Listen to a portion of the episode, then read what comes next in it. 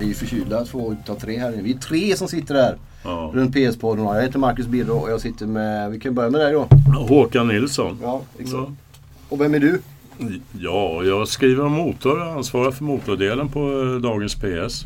Det är riktigt och det är ju framförallt du då som har sett till att vi har fått en fin gäst i PS-podden idag. Så jag tänkte att då kunde du få glädjen och äran att presentera vår vän Fredrik lite. Ja, eh, vi har med oss Fredrik Varolén ifrån eh, Mercedes. Han är informations och PR-chef. En eh, trevlig kille som jag har varit ute och rest med några gånger och som kan väldigt mycket, inte bara om sin egen produkt utan även om marknad och utveckling och allting annat som sker runt omkring.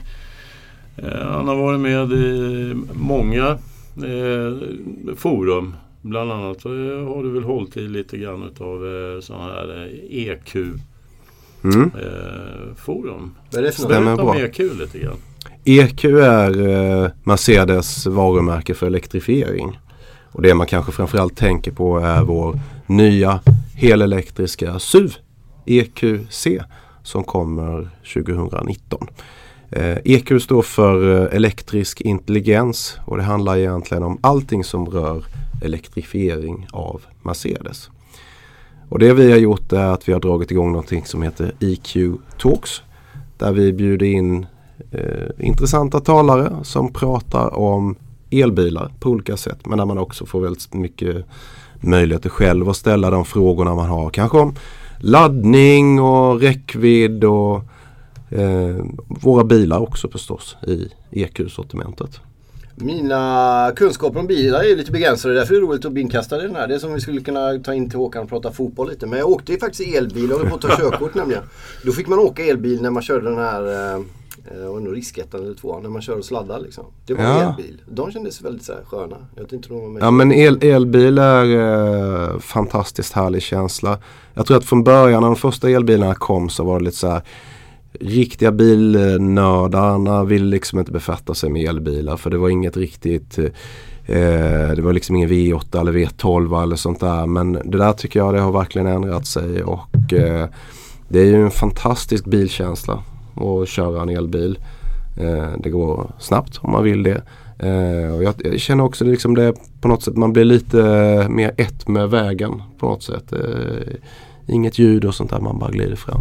Det är rätt häftigt. Det är rätt intressant egentligen det här med elbilar. För jag menar det är ju ingen ny företeelse. Utan det var ju så i slutet på 1800-talet så var det ju de enda typerna av bilar som fanns var ju elbilar. Och det var ju General Electric som, som tillverkade de bilarna. Och det finns faktiskt bilder på, på elbilar som står vid, vid, vid sån här laddstation och laddar. Och det var ju först när, när, när eh, Henry Ford körde igång serietillverkningen på T-Forden som elbilarna började gå tillbaka på marknaden och eh, de eh, bensinbilar de tog över istället. Så det här med elbil är ju ingen ny företeelse utan det är ju någonting som går tillbaka till slutet på 1800-talet. Det är rätt intressant för jag tror inte det är många som egentligen vet det. Hur mycket stor del av framtiden kommer det bli då igen? Liksom? Ja men en väldigt stor del. Ingen kan säga hur stor del. Vi tror att ungefär 25% av vår totala försäljning alltså över hela världen på Mercedes kommer att vara helt elektriska bilar 2025. Och det är ändå inte så förskräckligt eh, långt borta. Och vissa marknader har inte kommit alls lika långt som Sverige eh, när det gäller elektrifiering. Så att det är en stor del. Sen kan man ju säga att det innebär ju i så fall att 75% av all försäljning inte kommer att vara elbilar. Mm. men men ehm, för vår del så innebär det att de där 75 procenten det innebär inte att det inte är någon elektrifiering utan antingen så är det plug-in hybrider mm. Eh, som faktiskt är ett väldigt väldigt bra val för många människor där man har det bästa från två tekniker. Eller att man då har det som ibland kallas för mildhybrider som gör att man har en elmotor som hjälper förbränningsmotorn lite grann. Vad, vad, vilka svårigheter ser du? Om man kör runt i huvudstaden sådär så finns det ju ganska så bra på en del ställen på Söder och sånt som jag har börjat uh, härja loss på. Där finns det ju en del stolpar och lite sånt där. Mm. Men hur är det ute i landet sådär? Vad, vad, hur ser det ut? Liksom? Ja, men det är klart att det är ett problem eh, på vissa ställen och framförallt skulle jag nog säga att det är i storstäderna som det är problem för det är också där det finns väldigt många människor eh, som behöver ladda bilarna. Eh, sen är det klart att det finns vissa ställen i glesbygden där det inte alls finns några laddstolpar. Men Tittar man på hur svenska folket laddar sina elbilar eh, så gör man det framförallt hemma. Så ah, okay. Om man eh, kan lösa den biten så har man kommit väldigt, väldigt långt. En annan del som växer väldigt mycket är arbetsplatsladdning. Mm. Så att man kan ladda bilen hemma, köra till jobbet, laddar igen. Eh, då kan man förhoppningsvis köra helt fossilfritt.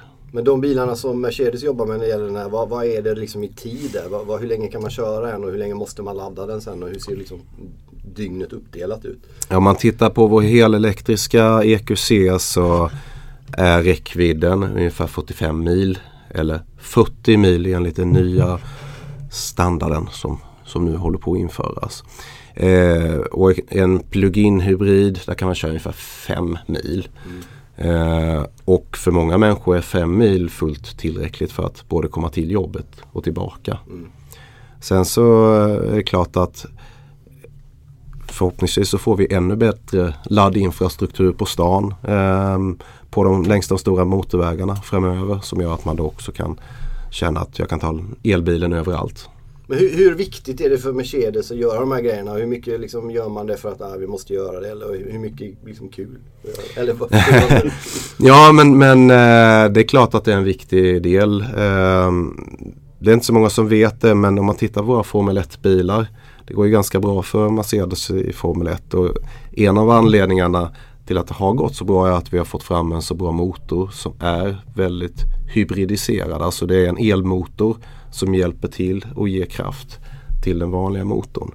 Så att det här är någonting som liksom vi har hållit på med väldigt, väldigt länge.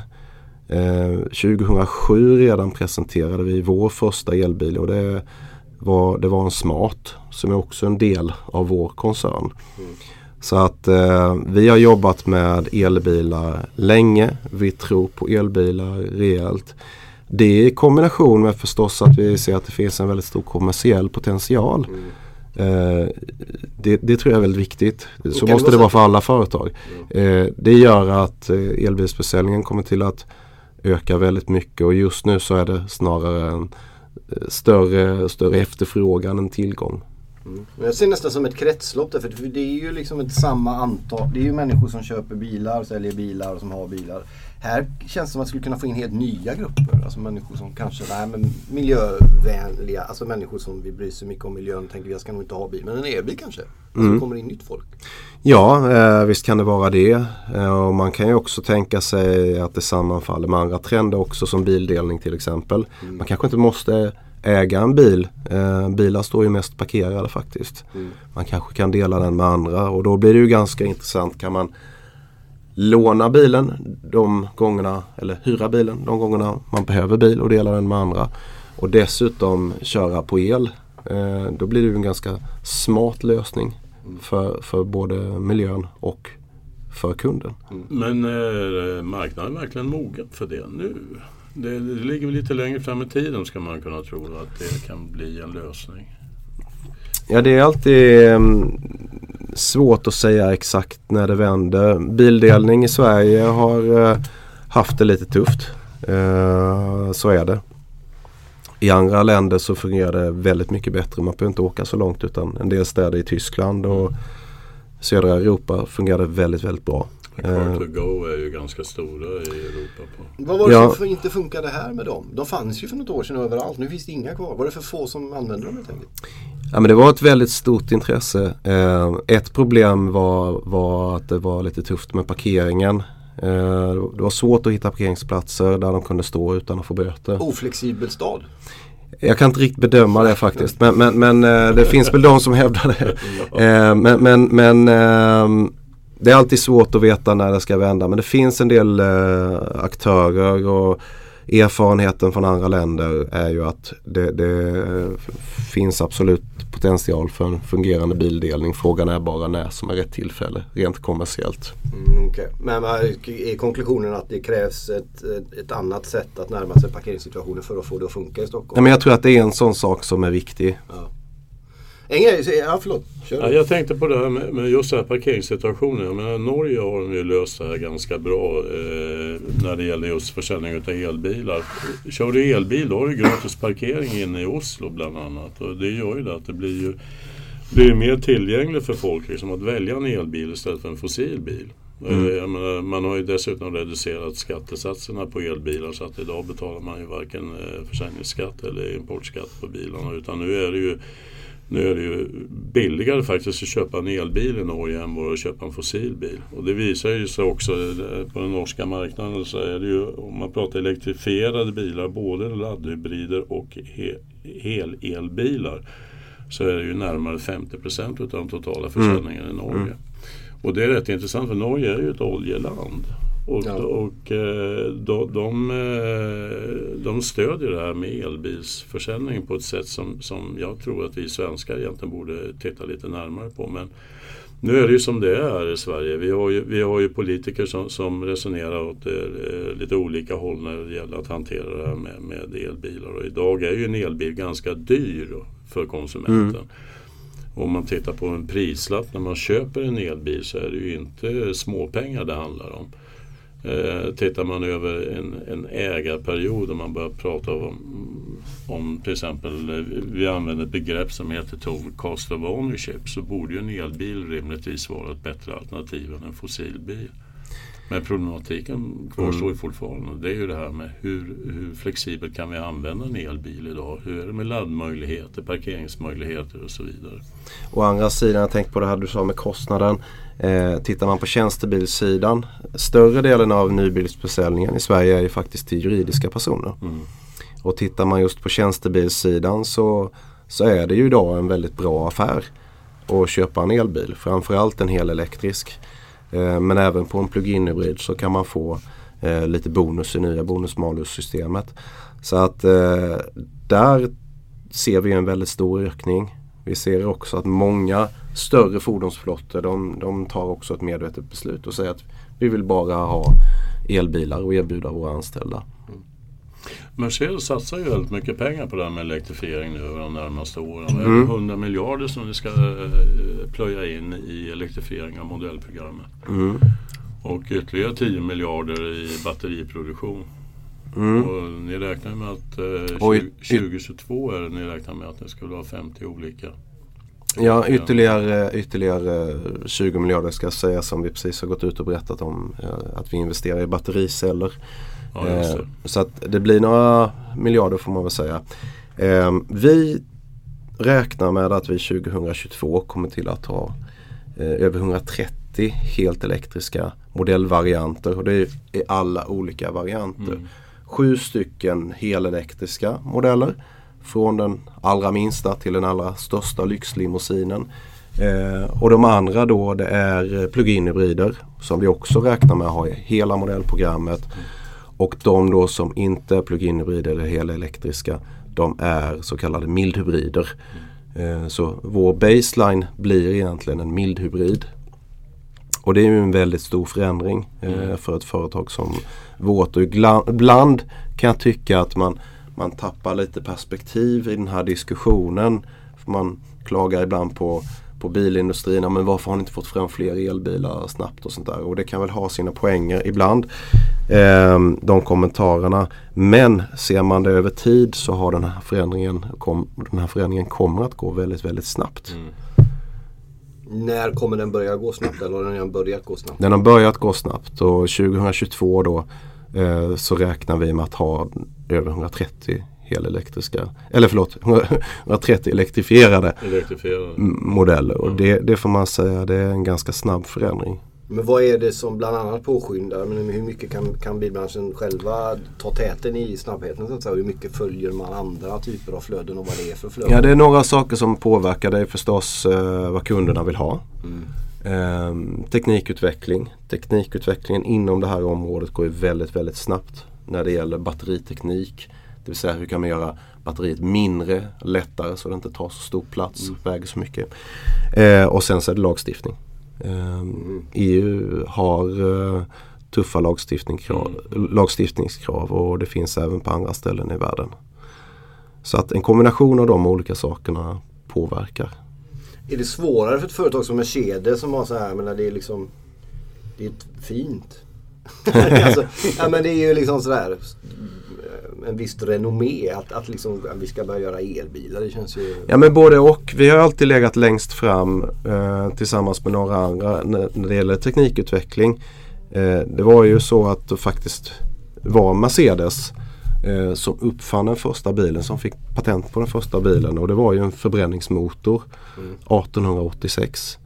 Mm. Och det är klart att eh, det är ett arv det. Det är någonting som, som innebär en ganska stor omställning när man har gjort uh, förbränningsmotorer i över hundra år. Mm. Samtidigt så har vi i vår kultur hela tiden haft med på att vi har en ambition att vara ledande när det gäller ny teknik och det sporrar ju oss att liksom vara ledande även inom det här området. Vår ambition är ju att vara ledande tillverkare inom premiumsegmentet och lyxbilsegmentet när det gäller eh, elbilar. Vi pratar ju väldigt mycket om elektrifiering men det finns ju andra typer av energikällor som man kan använda sig mm. av också i framtiden. Vi har ju testat vätgasvarianten mm. mm. i kombination med mm. laddhybridsvarianten mm. som ni då har på Mercedes. Så jag tyckte det var en makalös fin kombination. Ja, verkligen. Eh, men vätgas är ju också ett, ett, ett, en energikälla som går att använda sig av när det gäller eh, produktion av bilar mm. i framtiden. jag ser liksom, det är väldigt fokus på just elektrifiering. Mm. Eh, hur ser du på den biten, liksom, alternativa? Nej men det stämmer ju. Vätgasen är väldigt intressant och kanske framförallt om man tänker nästa tekniksprång mm. inom eh, vätgassidan. Eh, där det händer, händer ännu mer. Eh, verkligheten är ju så att bland annat i Sverige så är det väldigt dålig infrastruktur. Det finns inga vätgasmackar i princip. Eh, och det gör ju att det inte är kommersiellt gångbart uh, inte sälja. Dags, inte dagsläget nej. Så att där hoppas vi på uh, förstås en utbyggnad. Det finns ju andra marknader, Japan till exempel, där man har kommit mycket, mycket längre mm. på vätgassidan. Vi börjar sälja då, precis som du berättade, den här modellen uh, GLC F-cell. Alltså en plug-in hybrid kan man säga som både har en el, traditionell elmotor och eh, en eh, bränslecellsvariant. Och eh, det är ju en jättehärlig kombination. Supersmart utifrån miljösynpunkt. Ja, ja, definitivt. Eh, så att eh, nu säljer vi den i Japan och Tyskland inledningsvis. Man kan också tänka sig även andra fordonslag som citybussar och liknande. Mm. Att det skulle kunna vara en väldigt smart lösning där. Mm. Så att vi får väl se lite vad som händer. Vi har uh, inte räknat ut vätgasen utan vi har med det som ett huvudspår också faktiskt mm. för vår del. Men eftersom det läggs otroligt mycket pengar på elektrifieringen, hur mycket pengar kommer det finnas kvar egentligen att lägga på vätgasbiten? För jag menar, ni måste kunna räkna hem affären i någon form. Ja, absolut. absolut. För jag menar, vi pratar ju, vad blev det sammanlagt 130 miljarder som läggs på elektrifieringen? Ja, um, det, är ju inte, det är ju inte de enda stora satsningarna som görs just nu. Mm. Vår bransch är ju inne är den största transformationen som vi faktiskt har varit inne i. Mm. Utöver det här med elektrifiering så är det ju också allting som handlar om uppkopplade tjänster. Mm. Bilen blir en typ av smartphone on wheels. Mm. Eh, där, där väldigt mycket styrs med hjälp av rösten. Eh, precis som en Alexa eh, eller Google Home. Um, hur snabb går den utvecklingen om man jämför med liksom det andra vi pratat om elbilsgrejerna? Hur snabbt kommer man kunna trycka på en knapp och prata med bilen så kör den själv? Eh, ja. Och när ungefär? Och det går inte riktigt att säga men ja, utvecklingen går, går väldigt, väldigt snabbt. Mm. Um, vi, vi uh, Bör körskolorna vara oroliga? ja, um, det, det, tror jag inte de behöver vara faktiskt. För att vissa andra saker tar lite längre tid än vad man kanske tror. Den andra delen då, eh, förutom elektrifiering och uppkopplade tjänster, det är just det här med självkörande bilar. Mm. Väldigt många funktioner finns ju redan idag. Som man kan säga är självkörande. Våra bilar kan hålla avståndet automatiskt till bilen framför. Kan byta fil på motorvägen, kan sakta ner i tvära kurvor och liknande. Men du säger att den kan byta fil på motorvägen, den kan se då vad som kommer bakom och framför innan den gör det också? Om du blinkar eh, så byter den, så svänger den själv och lägger sig ut i filen och blinkar du tillbaka så går den tillbaka. Och den har koll då? Ja, den har koll. Eh, den har nog bättre koll än vad du har. Ja, ja. Men, men, men eh, tittar man på den typen av funktioner så har det hänt otroligt mycket de senaste tio åren. Och de närmaste åren så kommer det ske enormt mycket när det gäller olika typer av självkörande funktioner. Snart så räknar vi med att kunna lansera det man kallar för nivå 3 system då som gör att du faktiskt kan eh, göra någonting annat och bilen helt tar över. Men går det då snabbt innan du helt kan låta bilen ta över? Ja, det kanske tar lite längre tid. Därför att att få en bil att kunna köra in i alla citymiljöer, alla olika typer av väder. Eh, idag sitter vi här i Stockholm när det är lite snö i luften och mörkt och eh, ha sensorer eller kameror som klarar av att hantera allt, alla de olika sakerna. Eh, det tar nog lite längre tid.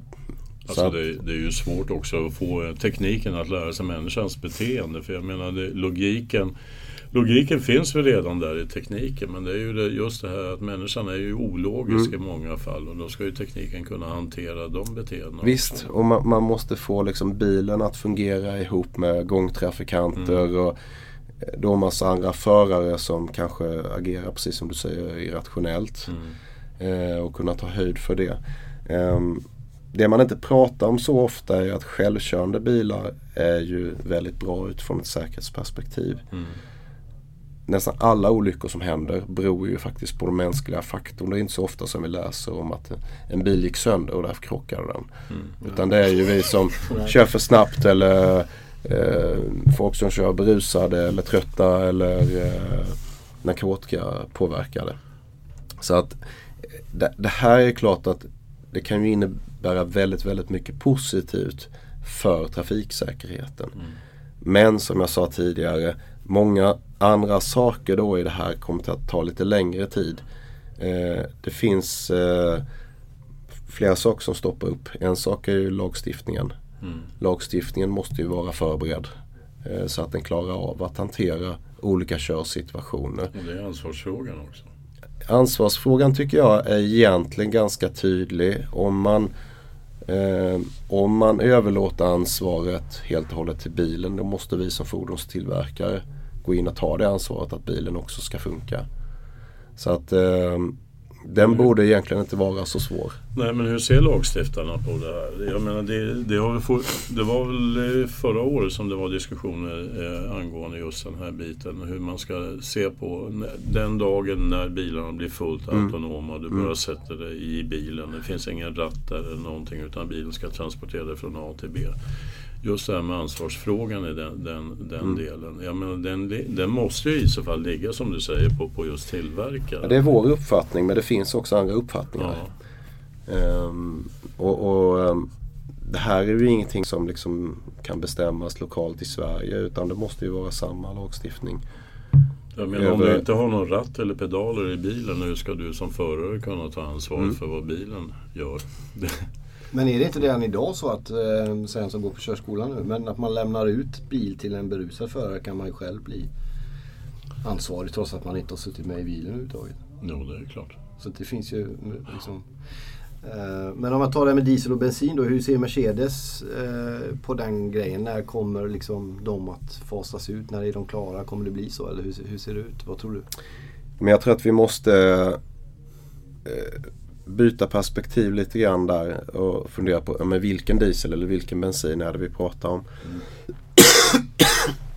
De nya dieselmotorerna som vi har har både ett väldigt, väldigt lågt koldioxidvärde, koldioxidutsläpp och väldigt låga partikelutsläpp. Ungefär samma kan man säga som en bensinbil. Är diesel då ett dåligt eh, drivmedel? Nej, det är nog ganska smart eh, drivmedel skulle jag säga. Eh, vi planerar ju dessutom då att, att eh, kombinera det med elektrifiering. Eh, vi räknar med att alla våra motorer kommer till att ha någon typ av elektrifiering. Därför tror jag att det här kommer fortfarande framöver att vara en ganska viktig del och väldigt många människor tycker att en sån lösning är bra. Dessutom tittar man på en plug-in hybrid eh, så kan man ja, egentligen liksom köra till jobbet och träningarna och allt där helt elektriskt och sen när man drar till fjällen då kanske man använder förbränningsmotorn. Mm. Det är en ganska smart lösning. Det är en ganska praktisk lösning. Mm. Så att jag tror inte att eh, eh, det är kanske helt på väg ut. Man får nästan intrycket av det i debatten. Men det vi måste ha det är ju rena bensin och dieselmotorer. och rena i den bemärkelsen att, att de ligger på låga CO2 och partikelutsläppsnivåer. Eh, så att eh, ofta så jämför man med gamla eh, förbränningsmotorer som ju då har mycket, mycket sämre värden. Och där är väl en ganska bra idé att man försöker få bort dem. Mm. Nu finns det ju modern mm. Ny teknik som är mycket, mycket bättre. Men är, har bilbranschen en, en läxa att göra där? Som sagt, jag är ju i den så kallade körskolevärlden och har ju då läst och jag är inte bilbevandrad på något som helst sätt eh, innan. Men just det där att det ser ju otroligt mycket bättre ut med miljösläpp nu än vad det gjorde förr. Luften är ju mycket renare nu trots att det är fler bilar. Det hade jag ingen aning om. Mm. Det är ju bra ju. Men kan man inte mm. slå sig för bröstet för det? För blir det liksom, är det fel PR eller? Nej men jag, jag tror att eh, teknikutvecklingen har ju gått eh, väldigt, väldigt snabbt. Och där har ju, har ju ny teknik gjort att det har blivit både mm, liksom lägre partikelnivåer eh, och eh, lägre CO2. Sen så får man väl säga så här. Jag har väldigt stor förståelse för både medborgare och politiker som kanske sitter och tittar på hur det ser ut eh, inne i stan. Och tittar man i vissa delar av Stockholm till exempel så ligger nivåerna högt. Och eh, det tycker jag det måste man ha väldigt stor förståelse för att människor vill förbättra det. Eh, det, det, det, det, tycker jag det får man förstå. Då får man hitta en klok, ett klokt sätt att göra det på helt enkelt. Det finns ju eh, HVO-bränsle till exempel det till eh, dieselbilar. Mm. Vad är HVO Håkan? Vill du berätta det? du tappar mig med en gång. Ja, du tappar vi på en gång. Ja. Eh, ja, HVO det, det, är ju ett, ett, eh, ska man säga, det är ett naturligt eh, bränsle som inte är fossilt i den formen som vi har i vanliga dieselbränslen. Det gör ju att du får ju lägre partikelutsläpp, du får ju lägre, lägre CO2-utsläpp mm. med HVO. Och många tillverkare har, har ju ställt om sina dieselbilar så att de ska klara av att köra på HVO. Men nu är det att tillgången på HVO är kanske inte tillräckligt stor på den svenska marknaden ännu. Men det är någonting som kommer. Och jag menar det, där har vi ju ett, nat ett naturligt bränsle som skulle mm. kunna fungera bra tillsammans med dieseln. Få ner partikelutsläppen och mm. CO2-utsläppen. Sen, sen är det ju de nya kraven som också kommer från EU, det var ju nyligen så beslutade man om att, att eh, skärpa kraven ytterligare på, på CO2-utsläppen mm. för bilar. Och det ska väl vara till vad var det, 2022, var det 2023? Eller? Jag kommer inte ihåg riktigt när det var men det är ganska skarpa krav som man har ställt. Mm. Och det ställer också väldigt stora krav på, på tillverkarna att hitta olika former att, att sänka de här utsläppen. Ja, men vi tror ju att HVO kan vara en eh, väldigt smart lösning. Eh, man tittar på lastbilssidan, vi är faktiskt världens tillverkare av lastbilar också. Eh, så, så har vi två modeller som klarar HVO. Och det är en bra lösning. Vi har också väldigt många Mercedes-bilar som går som taxi och därför har vi mm. under det senaste året då sålt en E-klass eh, som klarar HVO eh, till taxibranschen. Mm. Och den har blivit jättepopulär. Nu lanserar vi även den modellen då för privatkunder. Så att eh, HVO är, om det är rätt HVO, mm. eh, en väldigt bra lösning som säkert kommer till att komplettera om man tittar på alla satsningar som sker inom eh, mm. elsidan. Mm. En grej som jag undrar från eh, till ett annat håll är plötsligt att jobba med Mercedes i Volvoland. Liksom. Mm. Hur är det? Är de på liksom? Du vet, de kör sina trygga reklamkampanjer och Kinnaman åker bil med sin familj och så kommer Mercedes. Alltså, var... Nej men eh, jag vet, vet, inte riktigt eh, ifall det har så stor betydelse så utan det är klart att Volvo definierar ju väldigt mycket bilden av bilindustrin och sånt där i Sverige. Men vi har ju känt att det har blivit ett väldigt mycket större intresse för vårt varumärke mm. eh, de senaste åren. Eh, och vi har ökat väldigt, väldigt mycket vår försäljning. Så att det är inte så ovanligt nu för tiden att man ser en Mercedes på gatan utan vi är faktiskt ett av de största bilmärkena i Sverige. Mm så att det är väl det jag får fokusera mig framförallt Ja, på. det är riktigt. En grej som jag undrar lite över, jag har ju- italienskt påbrå och de har ju en del bra bilar. Du pratade Formel 1 innan Ferrari har ju hyfsat framme. De har en del bra motorcyklar. Men alltså de här, varför har Fiat så jävla dåligt rykte? för? Är det dåliga bilar? Jag vet ju inte. Ja, det kan, kan Håkan svara på. Nej, nu- nu ska man ju inte prata illa om, om konkurrenter här när det sitter en Mercedes-representant där. Men det är, ju- det är ju så att jag menar tillverkningsprocesserna är ju olika för bilarna. Och jag menar, Slarvar de eller? Vad fan det är italienare, det är ju med de är bra. Ja men, jo, men det är lite manjana över italienarna. Jo, men, jo, men de, de, de har en förmåga att inte göra saker och ting hela vägen. Ja, utan de, de, de är, det ser bra ut, så här, ja det räcker. Eh, de är bra på design. Ja. Eh, de har gjort några riktigt bra motorer det hittar vi bland annat i Ferrari. Vi Ja. hittar Alfa Romeo bland annat va, Ja. som har väldigt fina motorer. Men de går ju inte att köpa liksom. Det är ju inte vanligt folk kan köra en Ferrari. Nej, jo men Alfa Romeo kan ju vanligt folk köpa. Ja, lite finare vanligt folk Ja, möjligen. alltså Alfa. Alfa Romeo de, till, de tillverkar en riktigt bra diesel som levereras till Saab under många år. Ja, eh, okej. Som eh, fungerar riktigt, riktigt bra. Men eh, nej, det är väl så att, att, att deras tillverkningsprocess är väl inte på samma nivå kan vi säga. Slarvigare Som- lite. Ja, de gör Ja, okej. det. De är lite slarviga. Du vet ju själv hur det är. Ja. Ja. Eh, men en grej jag tänkte på, vad hette konkurrenten där som eh, möjligen fejkade när det gällde miljötesterna och det där? Var det Ja. Audi eller? Eh, Det var en avgas. Ja, ja, men det var ju, det var ju Volkswagen-gruppen. Alltså. Just det. var ju, Vad- det, det var ju deras eh, dieselmotorer. Så var det ja. ja. ja. Vad- hur tänkte ni då? Blir man så här, ah, eller vilken relation har man på den här gigantiska nivån med de här megastora varumärkena? Liksom? Vad händer med ett företag då när en konkurrent på ändå hyfsad hemmaplan där råkar ut för det där eller klantar sig? Ja men, men ehm, jag, tror, jag tror det är en ganska bra princip så här, i min position att inte liksom recensera Nej, var Va- va- vad också, andra gör. Men, men, men ehm, däremot är det klart att vi fick ju också samma frågor. Ehm, så att det var några intensiva dagar där i september eh, 2015 har jag för mig att det var. Ehm, men men ehm, oavsett vad så får man säga att hela, hela bilden, du var ju inne på det själv innan med diesel och sånt där har ju förändrats. Och diesel, diesel har ju blivit väldigt, väldigt hårt attackerat. Mm. Ehm, och det är därför jag säger låt oss titta. gått. Ja, eh, nej men så är det ju. Men låt oss titta på moderna dieselbilar. Eh, och, och se det utifrån ett rationellt perspektiv. Så är det faktiskt eh, ofta en väldigt bra lösning eftersom du både har ett lågt CO2-utsläpp och låga partikelnivåer. Eh, om man tar lite framtiden också då. eh, Det är, ju- vi pratat om den i olika versioner och olika delar där. Men om man tar den ökade konkurrensen från, kor, från eh, koreaner och kineser. Så här, hur ser Mercedes på den? Vad gör ni för att möta eller bryr ni er om den eller är de för långt bak? Eller hur tänker ni? Ursäkta mig. Julförkylningen. Ja det är riktigt. Det är fler än en som har det så det är lugnt. Ja, men jag tror att man ska vara, vara uppmärksam på all konkurrens. Det har ju de senaste åren visat.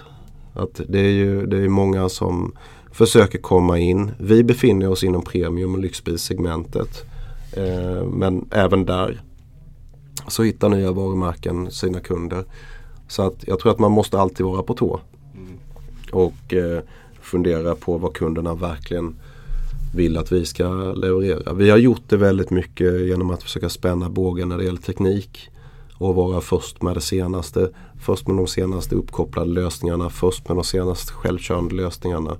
Och hitta riktigt bra lösningar när det gäller eh, elektrifiering. Som våra nya diesel plug-in hybrider som är en ganska unik teknik faktiskt. Eh, en annan grej som jag undrar lite där innan eh, Håkan kan hugga någonting också innan eh, vi ska eh, summera, summera ihop det. Det här med marknadsföring jag är jag intresserad av. Alltså reklam, media, hur man jobbar med. Liksom, för det är ju en värld i sig som ni Mm. naturligtvis är en stor del av. Och den är ju också i en otrolig rörelse hela tiden och förändring. Och så hur tänker ni? Hur vill ni jobba liksom? Hur, hur mycket framkant är ni där på den planen? Ja, men jag tror att vi har kommit ganska långt. Eh, vi jobbar ju på flera olika fronter kan man säga. Dels har vi ju våra massaägare som förstås är jätteviktiga för oss. Som vi hela tiden försöker hålla en nära och tät dialog med. Eh, vi jobbar mycket med events. Vi finns i Båstad till exempel eh, som en stor aktör sedan väldigt, väldigt många år. Vi gör också ganska många events för våra kunder där man kan komma och köra i Arjeplog till exempel som vi börjar med här efter jul. Eller Vadå vem som helst typ? eh, vem som helst som är Mercedes Kör kund. hästbanan uppe i, i, Ja. i Norrland. Ja, eh, så att eh, en del av våra kunder blir inbjudna dit eh, av eh, återförsäljarna. Så att eh, eh, det är väldigt roliga grejer och på det sättet så stärker vi banden med de som är Mercedes-ägare. Sen så har vi ju också den här och det kanske var mer det du syftade på. Eh, den externa kommunikationen i form av annonsering och det vi gör eh, digitalt till exempel. Och det är klart att det digitala är ju ett område som eh, tar mer och mer plats. Eh, vi har sedan väldigt länge varit stora till exempel på Facebook. Ja. Vi är näst störst i Sverige faktiskt på Facebook. Då är man stor alltså. Så att där får vi en helt enorm bra möjlighet att ha, ha nära tät dialog med våra kunder. Så att eh, jag tror att vi har gjort ganska mycket sådana saker som, som har fungerat väldigt, väldigt väl. Och där vi har kunnat nå eh, specifika grupper som vi vet är intresserade av eller kan tänka sig att köra en Mercedes. Men det kan säkert vara så att någon gång kommer du att få se en tv-reklam från massa eller läsa en vanlig annons i en tidning också. Det innebär inte att de sakerna nödvändigtvis är superdåliga heller. Det beror på lite vad det är man vill uppnå. Det är ganska intressant för vi sitter ju här nu på, på Regeringsgatan 67 och kvartal, eh, i kvarteret bredvid oss här så hade ju Mercedes en pop-up store under eh, ett antal Ja, vi var där Mm. och käkade lunch. Ja, vi var ju där och käkade lunch. Det var jättetrevligt. Mm, Bra mat. verkligen. Bra mat och eh, himla smart eh, initiativ tycker jag. Eh, hur gör ni med det i framtiden? Här nu? Så nu är ju den stängd och det är tomt där inne. Kommer Vi- ni att köra fler? Vi har faktiskt haft eh, två stycken pop-up butiker här i närheten. Ja, vi hade ju en Eh, eh, NK här, ja. eh, för ett par år. Precis. Jag tror att den typen av format kommer till att bli ännu viktigare. Mm. Och eh, jag, jag skulle bli förvånad ifall vi inte satsar på något liknande framöver. Mm. Eh, vi har också en del av våra återförsäljare som har små butiker i köpcentrum. Eh, I Lund öppnade en eh, för en vecka sedan faktiskt. Eh, och det här gör att den traditionella bilåterförsäljaren som ofta ligger ganska långt utanför stan i ett industriområde får en annan tillgänglighet, får möjlighet att möta sina kunder och potentiella kunder på ett annat sätt. Så att eh, det kommer till att vara jätteviktigt. Men kan ni inte öppna upp så här, ursäkta bara kort där, men öppna upp så här, Ikea till exempel, de har ju något liknande. De har ju stora långt utanför man ska Mm. åka. Men väldigt få inne i centrum. Men de har börjat med liksom vissa små köks. Du skulle kunna plocka vissa med kedjor, de där tekniska Mm. grejerna du pratar om. Alltså vissa delar av det som... Jo men det har varit eh, precis den idén vi har haft Ja, med, eh, med, med eh, våra pop-up butiker. Att vissa delar av vårt sortiment lyfter vi fram lite mer. Eh, vi tyckte det var ganska kul att här inne i Stockholm kunna visa våra prestandabilar Ja. till exempel. Så man får någonting riktigt extra. Eh, när det står en AMG GTR eh, som gör 0 till 100 på 3,4 sekunder. Det är ganska häftigt att bara komma in på lunchen och sätta sig i en sån. Det är rätt intressant egentligen. Därför att, jag menar jag har ju ganska långt förflutet inom bilbranschen. Ja, det är viktigt. Ja, det är jäkligt viktigt. Ja. Och jag kommer ihåg att vi satt redan i början på 90-talet och pratade om det här med hur kommer bilbranschen att se ut i framtiden och hur kommer återförsäljarleden att se ut i framtiden. Och där pratar vi om att det, just att det kan finnas en huvudanläggning någonstans där man har bilarna, där man lagrar bilarna och man sköter servicen. Medan det finns då satelliter i de områdena där konsumenterna, potentiella kunderna finns och rör sig. Och det är alltså i shopping malls och det är, det är inne i centrum som det har varit här då med pop-up store och så vidare.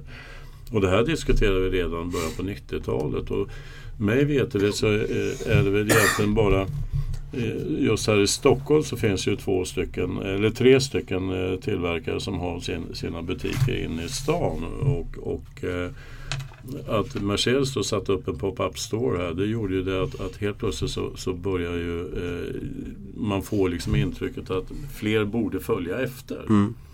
Men konstigt nog så är det ju inte det.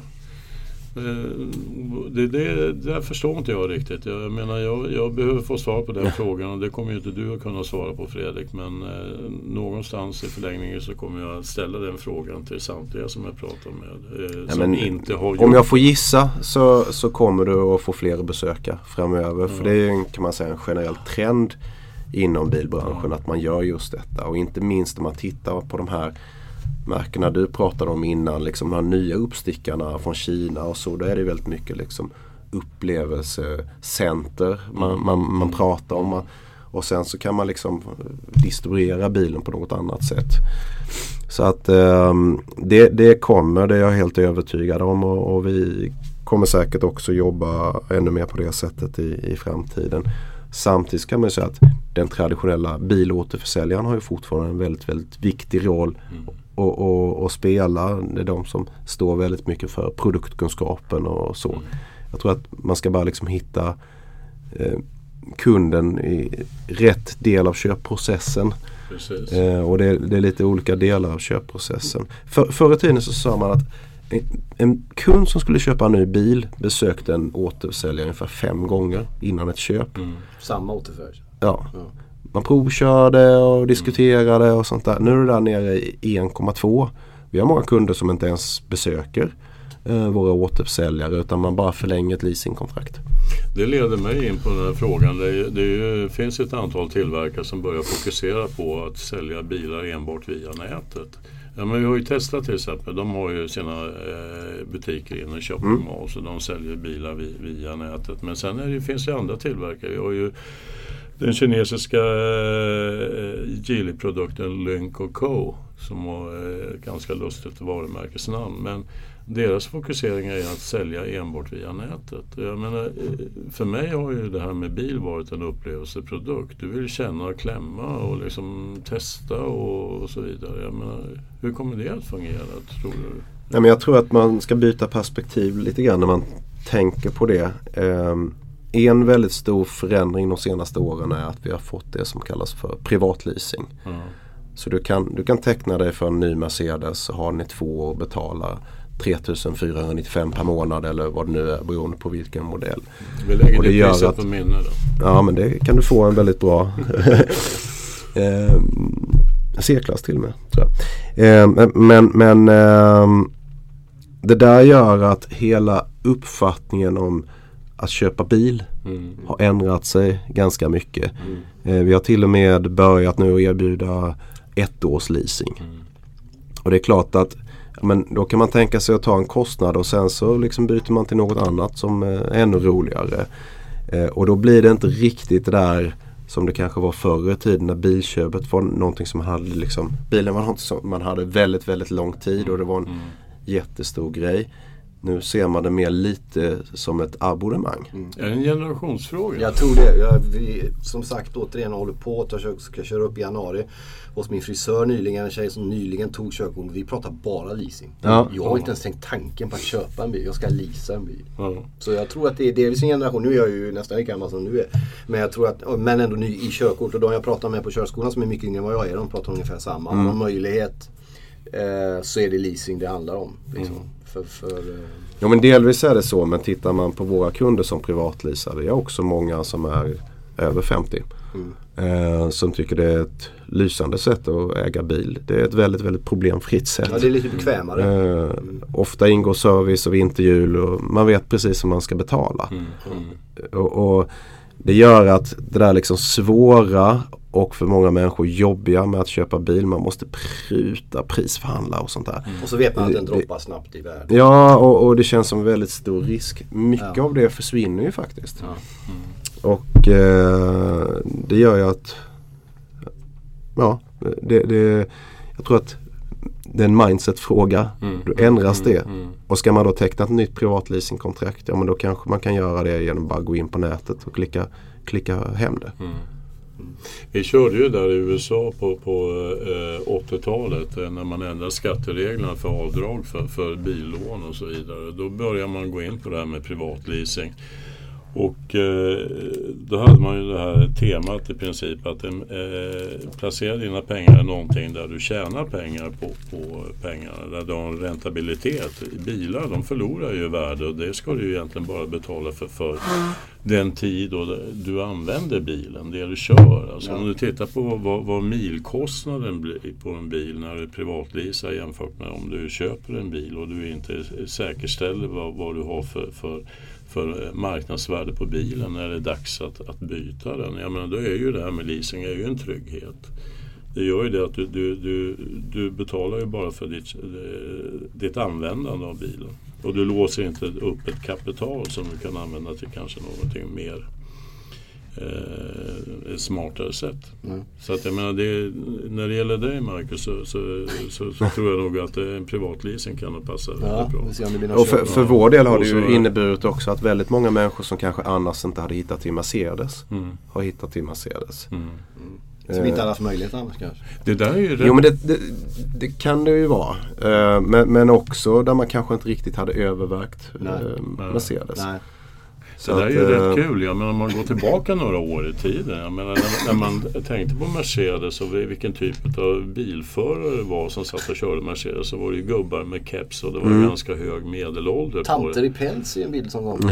Det ja. tycker du ja. ja. ja nej, men det, det, var ju lite grann utav det att det hade ju en liten klang utav att vara en, en bil för äldre människor. Men mm. numera så är det mm, vad, vad, vad ligger medelåldern idag på, på Mercedes-köpare? Det är väldigt olika beroende på vilken modell det är. Men, men, men, men titta... Liksom, lag. Ja men det ligger ungefär som hos andra märken kan, kan man säga. Eh, vi, vi, ligger varken högre eller, eller lägre. Runt 45? Ja, kanske lite högre. Men, men, men det hänger ihop med att, eh, och det vet inte så många, men väldigt många av de som köper bil är faktiskt fortfarande äldre. Mm. Eh, men men eh, tittar man på Mercedes idag eh, så tror jag inte att det är så många som får höra det här gubbe i hatt längre. Mm. När jag började på Mercedes då var det väldigt mycket snack om liksom gubbe i hatt och sånt där. Um, men den stora förändringen som har hänt sen kanske 2012-2013 är framförallt en förändring när det gäller design. Mm. Våra bilar ser mycket, mycket bättre ut. Mm. Och faktiskt eh, lite yngre, ungdomligare och coolare ut än, än vad de gjorde tidigare. Det i kombinationen med mycket ny teknik. För jag har jobbat väldigt mycket med att ta in skärmar i bilarna mm. eh, som ger ett helt annat intryck. Eh, det, det, har gjort att bilden av Mercedes har förändrats mm. väldigt mycket. På rätt kort tid? På rätt kort tid, mm. på ungefär fem år. Och vi har också ökat försäljningen otroligt mycket och är idag ett av de allra största bilmärkena i Sverige. Jag har en avslutningsfråga. Du får gärna också ha en sen. Det är något löjligt möjligen. Men jag tänkte säga när man har då liksom professor. Jag ser en bild framför mig på en spondaktig sätt. Du vet män och kvinnor i vita rockar som går runt och fixar med teknik. Och ni har liksom Max och ni är bra på Formel 1 och det är liksom eliten på motorer. Finns det någon sån här, ja men vi vill göra rymdskepp nästa? Eller vill vi vill ta det till NASA? eller får man ingen sån när man är så otroligt stor som Mercedes är? Vill man liksom inte... Och så ska man fokusera på bilförsäljare eller bilköpare i mm. Södertälje liksom. Mm. Och skit. Nej men eh, för det första så finns vi inom väldigt många områden. Vi, vi är ju en av eh, världens största trans transportbilsföretag. Eh, mm. Världens största lastbilsföretag. Eh, och en, den största aktören inom premium och lyxbilsegmentet. Så att vi har ju ganska mycket att göra ja, bara genom att ta hand om våra, våra kärnområden. Ja, Men ett område där vi faktiskt är med på ett hörn eh, är inom, inom eh, sittbara drönare kan man säga. Alltså passagerartrafik med drönare eh, där det sker otroligt mycket. Eh, Volocopter kallas det för. Ah, okay. Shit, och, det var eh, Där är vi med på ett litet hörn. Eh, och eh, det är ett område som är jättespännande. Så att du är inte helt fel på det. Ah, bra, det gläder mig. ja, men den, den visade de upp på eh, bilsalongen i Frankfurt förra året. Ja. Så ah, okay. att, det var faktiskt riktigt häftigt. Mm. Ja, nej men det, alltså, det, det är ju inget snack om att Mercedes har ju en, en, en position en, eh, långt, långt framme eh, på marknaden idag. När, både när det gäller teknikutveckling och när det gäller, när det gäller varumärkespositionering. Eh, nu händer ju lite grann i organisationen. Mm. I år så blir det ju en ny eh, Chief Executive Officer för Daimler. Precis. Och han är svensk. Han är svensk, Ola Källenius. Ja, precis. Hur, hur kommer det att påverka utvecklingen utav, utav eh, Mercedes? Jag menar, han, har ju, han har ju sin... Bakgrunden på Ola Källenius är ju det att han har en gång i tiden varit ansvarig för AMG-utvecklingen bland annat. Han har ju jobbat med marknadsbiten och han, han är ju en... Jag har ju haft förmånen att träffa honom vid ett par tillfällen. Det är en väldigt trevlig människa att prata med och har ju en väldigt eh, en, en, en approach till, till eh, omgivningen som är, som är behaglig. Och Mm. Han efterträder ju en person som har i princip samma approach. Eh, en väldigt behaglig person Mm, som eh, har öppnat upp sig på ett sätt som, som, som eh, man inte trodde man kunde förknippa Mercedes med. Mm. Eh, vad tror, vad, du känner ju Ola Mm. och jag menar eh, jag är, ju- jag är glad att det blir en svensk som blir, blir chef för en av världens största biltillverkare. Det, det känns, det känns eh, positivt. Ja men det är ju jätteroligt, eh, verkligen. Det är ingen tvekan om att han är helt rätt person att ta vårt företag genom den här stora förvandlingen Mm. eh, som vi faktiskt går igenom just nu eh, mot uppkopplade, Mm. självkörande, elektrifierade fordon. Eh, så att han har eh, den faktiskt ganska eh, ovanliga bakgrunden att han kan både otroligt mycket om teknik Mm. Mm. och han är en jäkel och förstår sig på försäljning och marknadsföring. Mm. Så att eh, han har precis rätt kombination. Han har varit i vårt företag över 25 år, började som trainee. Så att han kan företaget eh, innan och utan. Han har jobbat både i, i Tyskland förstås men också i USA och Mm. i, eh, i England. Så att han har, har bra koll på, på nästan allt Mm. skulle jag säga. Så att eh, jag är övertygad om att han kommer till att eh, vara helt rätt person för att ta företaget genom den här stora förändringen som eh, vi håller, är inne i just nu men som jag tror att man kan tänka sig att det blir en ytterligare acceleration Mm. när, när Ola Källenius tillträder. De har, eh, Mercedes har en sån här eh, struktur att eh, tidsbegränsade uppdrag. Eh, Ja, det är ju egentligen det vanliga sättet att göra bland annat i Tyskland att man har tidsbegränsade uppdrag. Eh, så att eh, han tillträder i, i maj Ja. och eh, sitter då på ett kontrakt i några år. är det åtta år eller vad är det? Eh, nej det vet jag inte. Jag tror att det, det är väl eh, några år till att börja med Ja, och sen så, ja. sen så eh, är det väl inte ole, o, o, omöjligt att det där blir förlängt. Nej. Nej, men det handlar ju om liksom en kontinuitet i den här processen som Mercedes går igenom nu med förändringar. Så att han finns med i hela det steget. Ja, Eh, stort tack Fredrik. Vi ska släppa iväg dig på, vi bandade här bara några dagar före jul. Du ska till hem ja och precis. fira jul. Till Lund, Exakt. stämmer. Eh, önskar dig en eh, fridfull, vacker och eh, fin och bra jul på alla sätt och ett gott nytt år och god fortsättning och allt sånt där. Och dig också då. Ja men tack. Ja, det är riktigt. Ja detsamma. Ja, det kan jag behöva. Ja, det Vi får se om det blir något körkort till kräftskivan 2020 kanske. Ja. Stort tack för att du kom Fredrik. Ja men stort tack för att jag fick komma. Tack så mycket.